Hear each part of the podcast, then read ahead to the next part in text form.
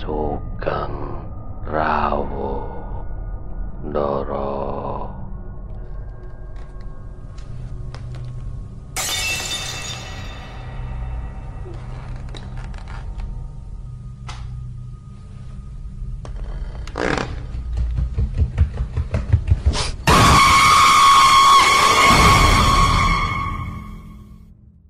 Satu Suro Activity Assalamualaikum warahmatullahi wabarakatuh. Selamat malam. Rahayu, rahayu, rahayu, rahayu. Para pendengar satu suro activity. Saya, Andi Putro. Sebagian orang percaya mimpi tak lebih dari sekedar bunga tidur tanpa arti khusus. Namun banyak pula yang meyakini mimpi sebagai firasat terjadinya peristiwa pada masa mendatang, entah itu baik maupun buruk. Sejak dahulu kala, mimpi diyakini sebagai petunjuk spiritual yang membawa seseorang memasuki dimensi yang berbeda. Pengalaman mimpi yang dialami diyakini merupakan pesan-pesan dari masa depan tentang apa yang akan terjadi dalam kehidupan seseorang. Seperti halnya kisah mistis malam hari ini mengenai isyarat mimpi dari Ferry Ardianto. Selamat mendengarkan. Bukan horor buat saya, tapi mengingatkan pada seorang sahabat baik saya yang jasanya kepada saya dan keluarga akan saya ingat dan bawa sampai mati. Saya pernah punya bos atau atasan di kantor tempat saya bekerja. Usianya masih seumuran saya. Kenal dari zaman masih sama-sama staf. Sampai beliau karirnya melejit dan saya jadi anak buahnya. Kebaikan hatinya buat saya laksana malaikat. Ketika anak saya harus operasi di rumah sakit dan saya benar-benar tidak punya uang untuk melunasi biayanya karena ketika itu kondisi sedang bangkrut ekonomi saya. Beliau mendengar saya butuh biaya buat operasi anak dari rekan kerja yang saya mau pinjami uang. Ternyata saya dikirimi uang sama beliau melalui rekan saya. Saya tidak tahu kalau itu uang bos saya. Ketika saya ada rezeki, saya kembalikan ke rekan saya dan dia menolaknya disuruh kembalikan ke bos. Saat itulah saya baru tahu. Ternyata bos saya yang memberikan biaya operasinya. Ketika saya kembalikan, beliau sangat marah sekali. Tidak mau menerima uang saya. Saya ingat betul kata-katanya kepada saya. Saya tahu kamu sedang bangkrut, susah. Kalau saya terima uang kamu, saya bukan manusia. Mendengar kalimatnya, saya seperti disiram air seluruh badan. Saya menangis benar-benar terharu. Singkat kata, beliau pindah tugas ke wilayah lain. Kami masih berkomunikasi. Karena semenjak kejadian itu, kami saling angkat saudara. Dia kakak saya, saya adiknya. Kami benar-benar tidak ada batas antara bos dan stafnya Beliau marah kalau saya panggil Pak. Kalau nggak ada orang, beliau minta dipanggil namanya saja. Pribadi yang luar biasa. Di wilayah kerja baru kira-kira setahun lebih, beliau sakit. Makin lama makin sakitnya makin beliau masih bisa bekerja. Komunikasi masih sering ngobrol dan saya masih ingat ketika itu hari libur.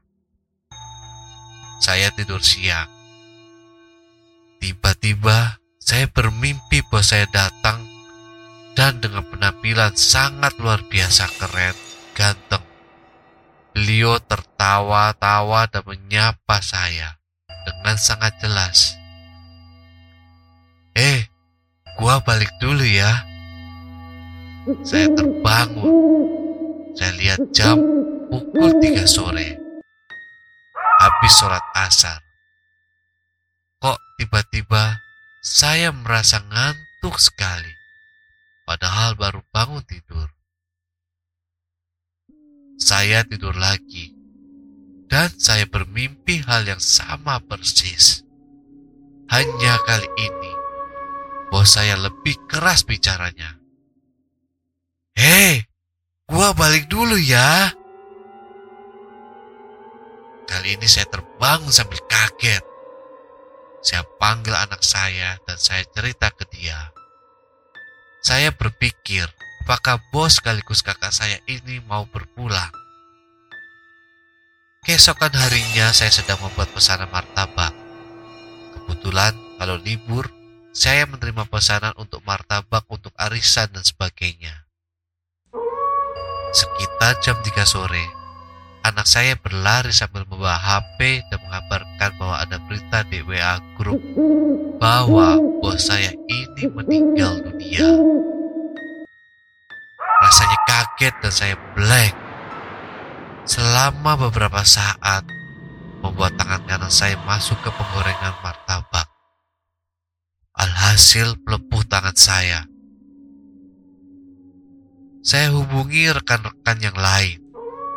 Saat itulah saya baru menyadari di hari dan waktu ketika saya bermimpi beliau berpamitan.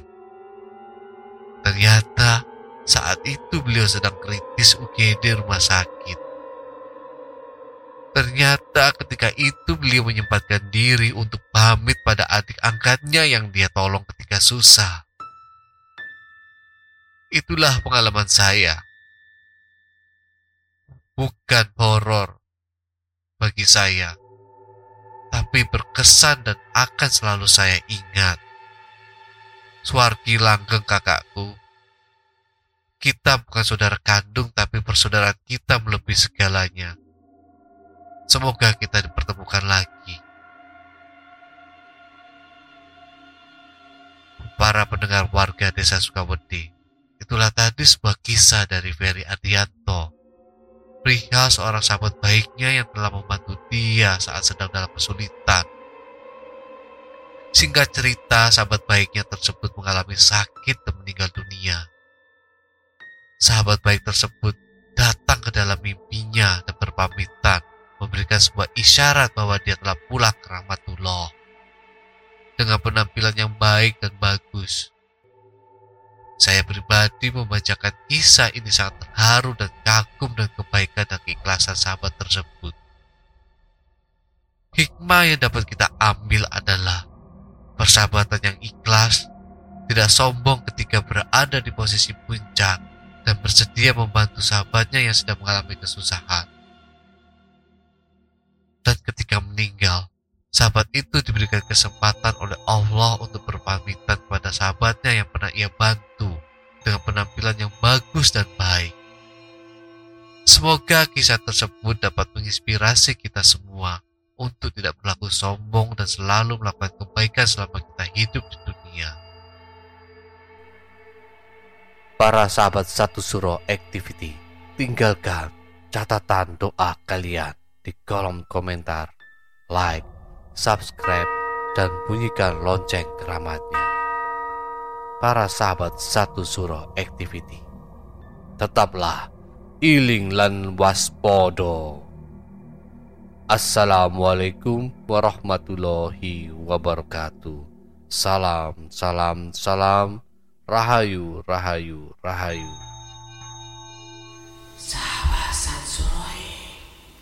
Jangan lupa kirim pengalaman cerita mistik kalian ke ke